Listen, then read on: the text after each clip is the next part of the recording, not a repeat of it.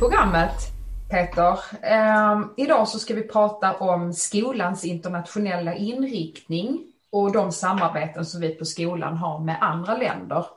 Men innan vi kickar igång programmet så ska jag säga att MSB Revinge podd, den sänds en gång i månaden från MSBs skola i Revinge. Och i varje avsnitt så bjuder vi in en gäst som får prata om sitt specialämne. Ska vi göra så att du börjar med att presentera dig själv? Ja, det kan jag göra. Eh, och det är alltid trevligt att bli inbjuden till vår egna podd här och få berätta lite om vad en av våra utbildningsenheter sysslar med. Eh, som sagt, Peter Holmström heter jag. Eh, varit nu på MSB Revinge i, ja, det blir 20 år faktiskt. Eh, började en gång i tiden när jag var 16 år, hoppade av skolan.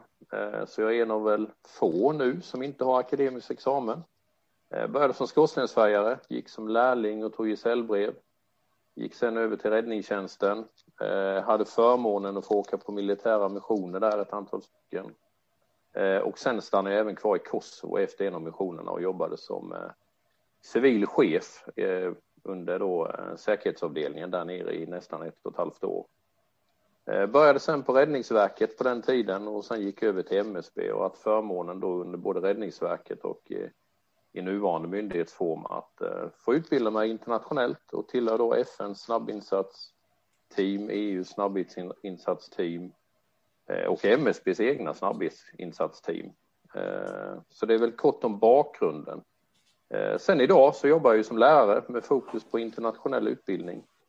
Eh, och det vill säga då mot internationella aktörer. Eh, och det är inom då EU, FN, World Food Program, Världshälsoorganisationen eh, och lite andra sådana nyckelspelare kan man väl kalla det.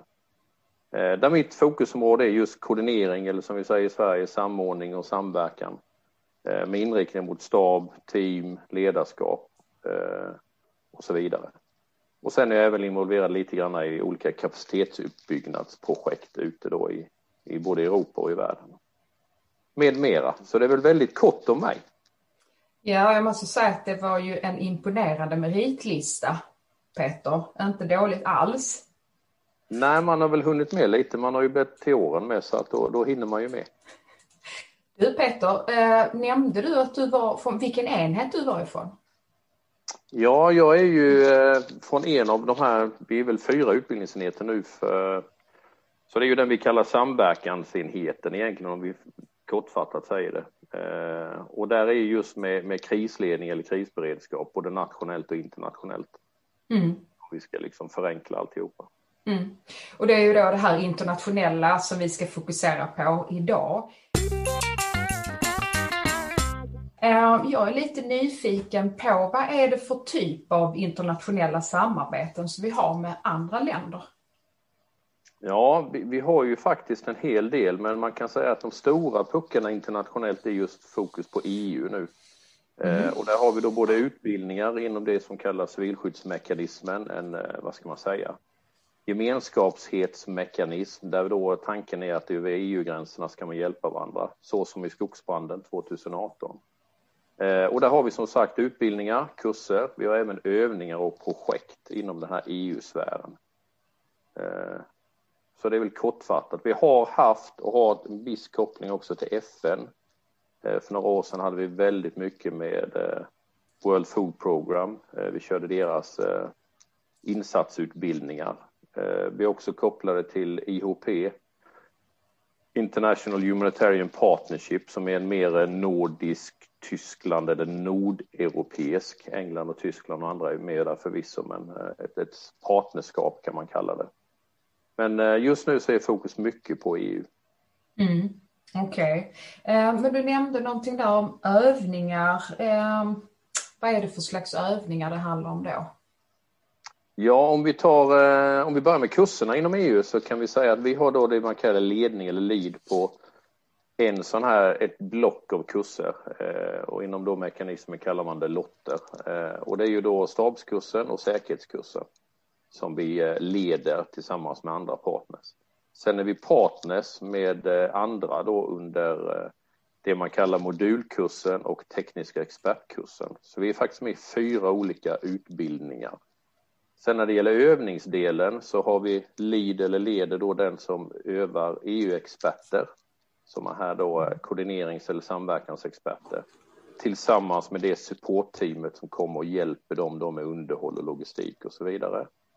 Och vi är med i två andra övningar. Den ena fokuserar väldigt mycket på sök och räddning och den ena andra fokuserar väldigt mycket på medicinsk inriktning.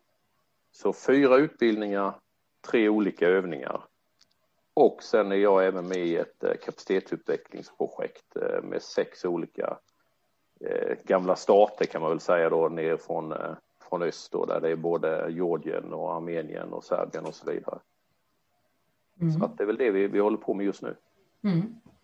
Det är en hel del samarbeten då att hålla reda på. Det är en hel del både sam, yeah. samverkanspartners men även då eh, kopplat till EU och de vi har kontakt med där. Mm. Men är du själv involverad i alla de här? Jag är involverad i allihopa och ja. eh, på ett eller annat vis eh, just den här modulkursen och den tekniska expertkursen är det andra kollegor som har ett huvudansvar och är mer involverade i. Mm. Eh, men en gång i tiden när vi startade, när de var nya, så var jag ju med och tog fram dem då för, eh, vad är det nu, 11-12 år sedan. Okej. Okay. Men vad innehåller den här modulkursen? Vad, vad är det? Då är det så här att inom den här EUs civilskyddsmekanismen så finns någonting man kallar då moduler och det är egentligen fördefinierade team som består av både kompetens, personal men även utrustning, alltså materiel. Eh, så då kallar man det inom just EU, EU-sammanhang för en modul. Eh, det mm. kommer alltså både personal och utrustning.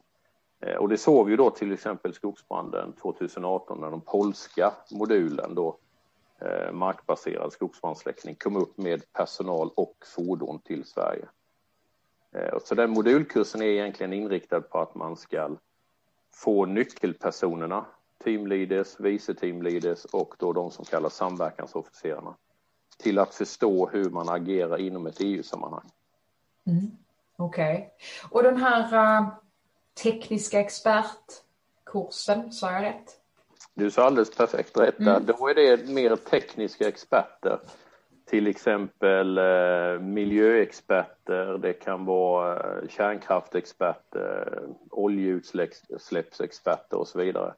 Som i sin expertkunskap ska verka i ett sånt här då Eh, uttalat team som åker ner att stötta då ett annat land som har problem. Eh, och då ska man lära de här experterna hur de fungerar i ett team med andra internationella i ett EU-sammanhang.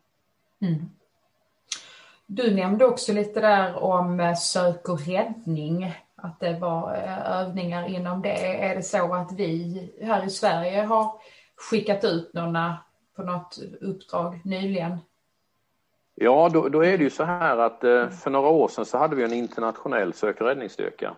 Eh, och den har vi nu inom MSB tagit beslut att vi inte ska ha kvar eh, av olika anledningar. Eh, däremot så har vi en nationell sök och räddningsstyrka som också verkar över då de närmsta gränserna. Så nu det senaste, det var väl ett jordskred här nu för, eh, vad kan det vara, någon månad sedan i Norge, så skickade vi delar av det teamet faktiskt till Norge för att hjälpa till.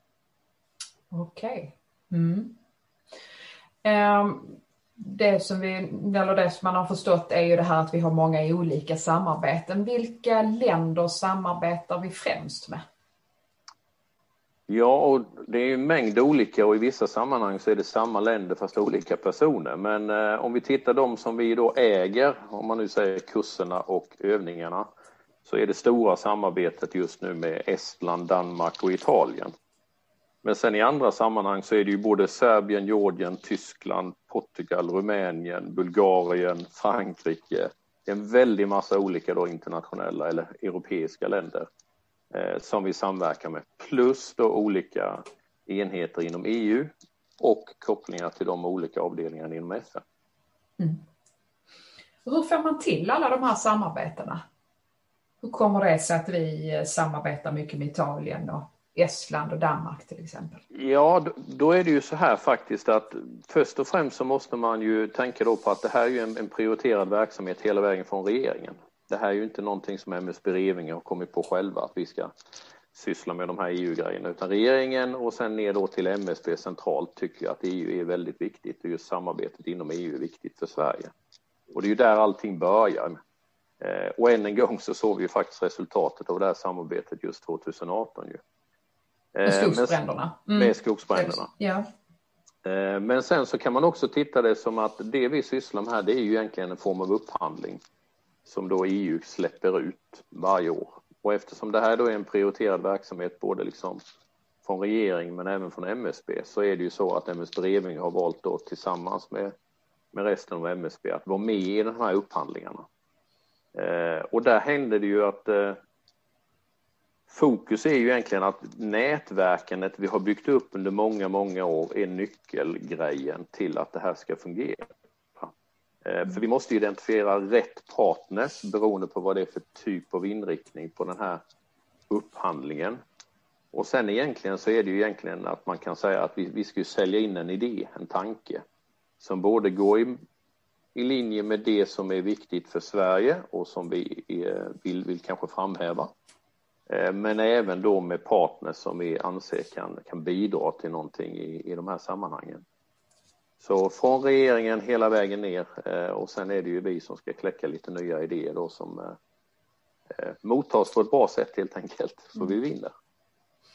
Kan man då konstatera att vi på MSB Revinge är ganska duktiga på att både nätverka och sälja in idéer?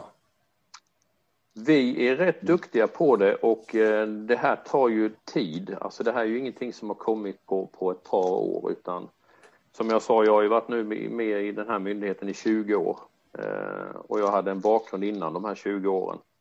Så att det tar väldigt lång tid att få upp ett, ett bra nätverk där man kan eh, identifiera rätt organisationer och länder men även personer mm. till, till, att vara med och bidra. Men vi, mm. vi är rätt duktiga på det. Du Peter, eh, i varje avsnitt så får faktiskt någon annan än jag möjlighet att ställa eh, en fråga till gästen mm. i programmet. Och den här gången så vill Jerker Bergsten, chef för utbildningsstödsenheten, ställa inte bara en fråga till dig utan faktiskt två frågor. Ja. Är du beredd? Jag är beredd. Ja, då tänker jag att vi börjar med att lyssna på den första frågan. Hej, jag heter Jerker Bergsten och är chef för utbildningsstödsenheten på skolan i Revinge.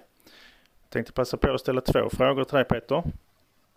Först undrar jag om du skulle kunna berätta lite mer om varför det är viktigt att EU utbildar sig tillsammans. Och sen har det ju hänt väldigt mycket inom eh, EU och civilskyddsmekanismen de senaste åren. Så då undrar jag vad du tror är nästa stora steg inom EU och området utbildning i framtiden. Vad säger du Peter? Varför är det viktigt att EU utbildar sig tillsammans?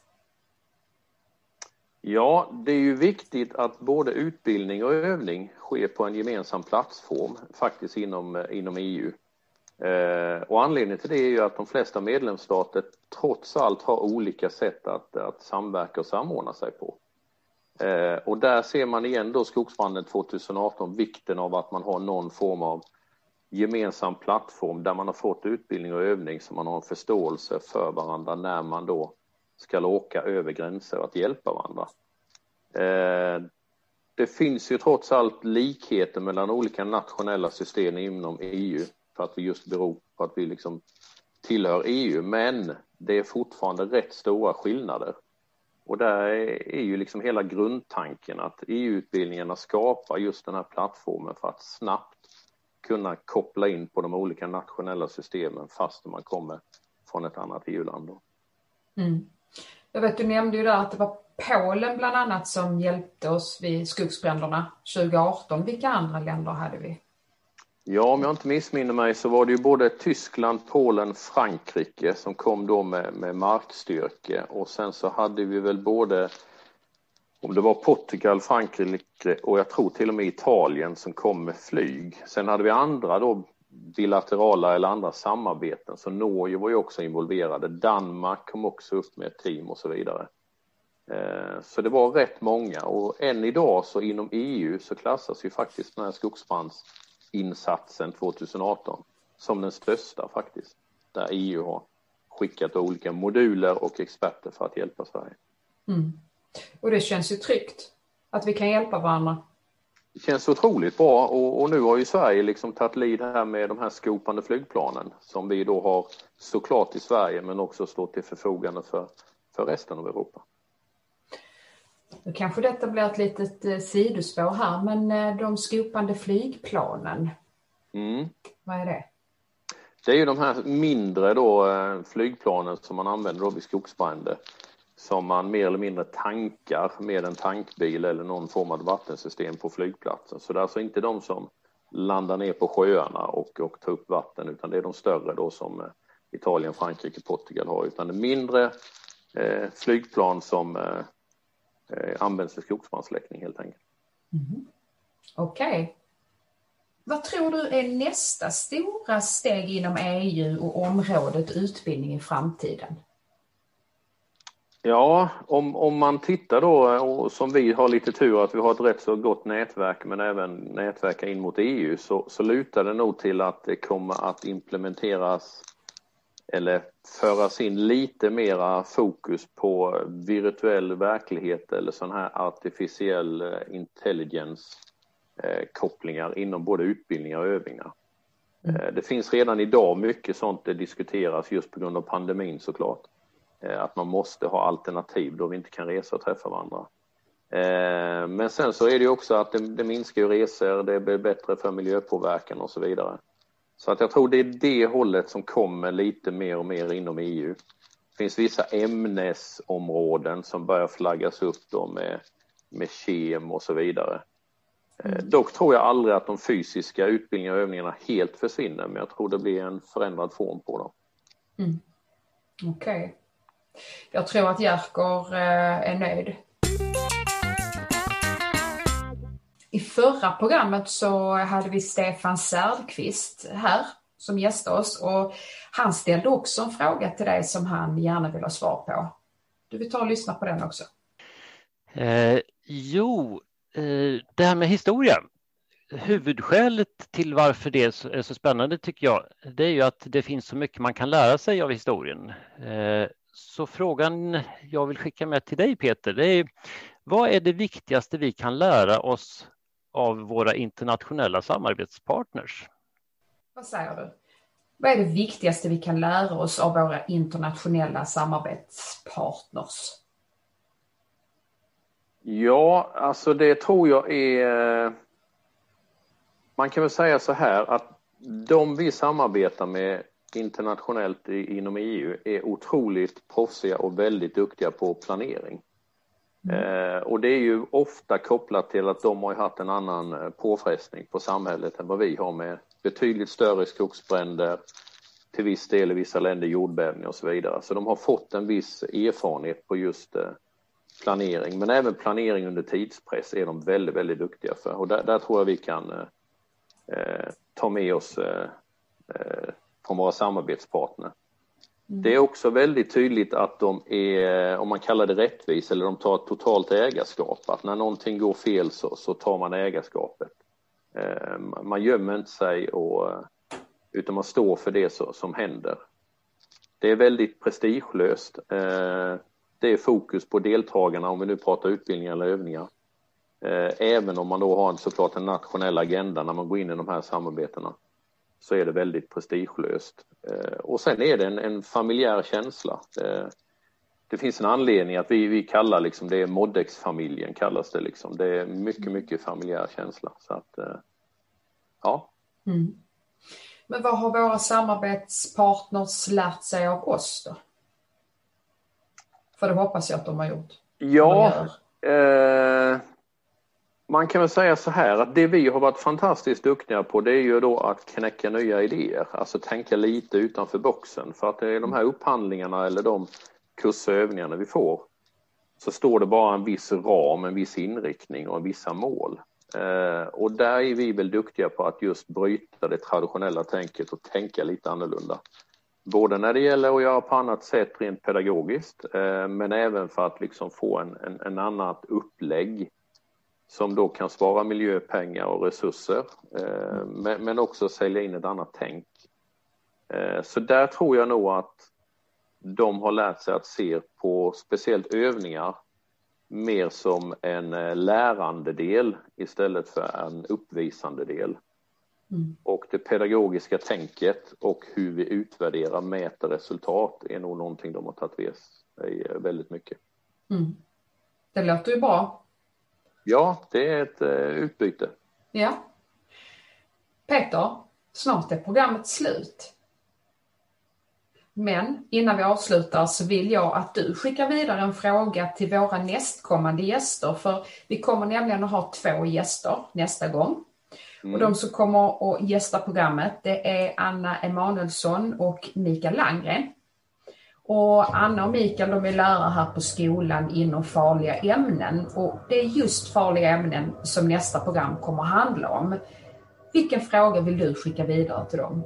Eller har du mer än en kanske? Ja, då har jag nog två frågor. Okay. Eh, om vi tar den första så kan vi ju säga då att under utbildningen farliga ämnen, hur ser de då på eh, förebyggande och hantering samt arbetsmiljö inom området? Alltså mm. lite mer eh, utanför den traditionella benämningen farliga ämnen. Eh, mm. Och sen skulle jag också vilja veta lite mer om hur ser framtida läromedel kopplat till farliga ämnen ut? Är det även där tankar på virtuella saker eller artificiella saker eller, eller är det någonting nytt som kommer där? Mm. Ja, vad intressant, för det är faktiskt också en grej de kommer att prata om, för de håller ju på att ta fram eh, läromedel kopplat till farliga ämnen. Ja. Mm. Tack så mycket för det Peter och du, tack så jättemycket för att du ville komma hit och prata om skolans internationella inriktning. Det var jätteroligt att ha det här. Så då eh, tackar jag för den här gången och eh, nästa avsnitt, ja det kommer ut om en månad ungefär. Hej då!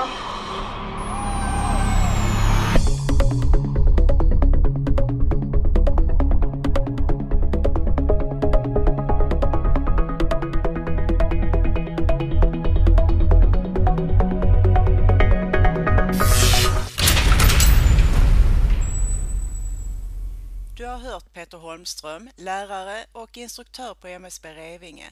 Intervjuade gjorde Lara Kristianodottir. Inspelning och redigering av Charlotte Kristoffersen. Signaturmelodi av och med tillåtelse av Christian Ur. Länkar hittar du på msbrevingepodd.wordpress.com MSB Revinge februari 2021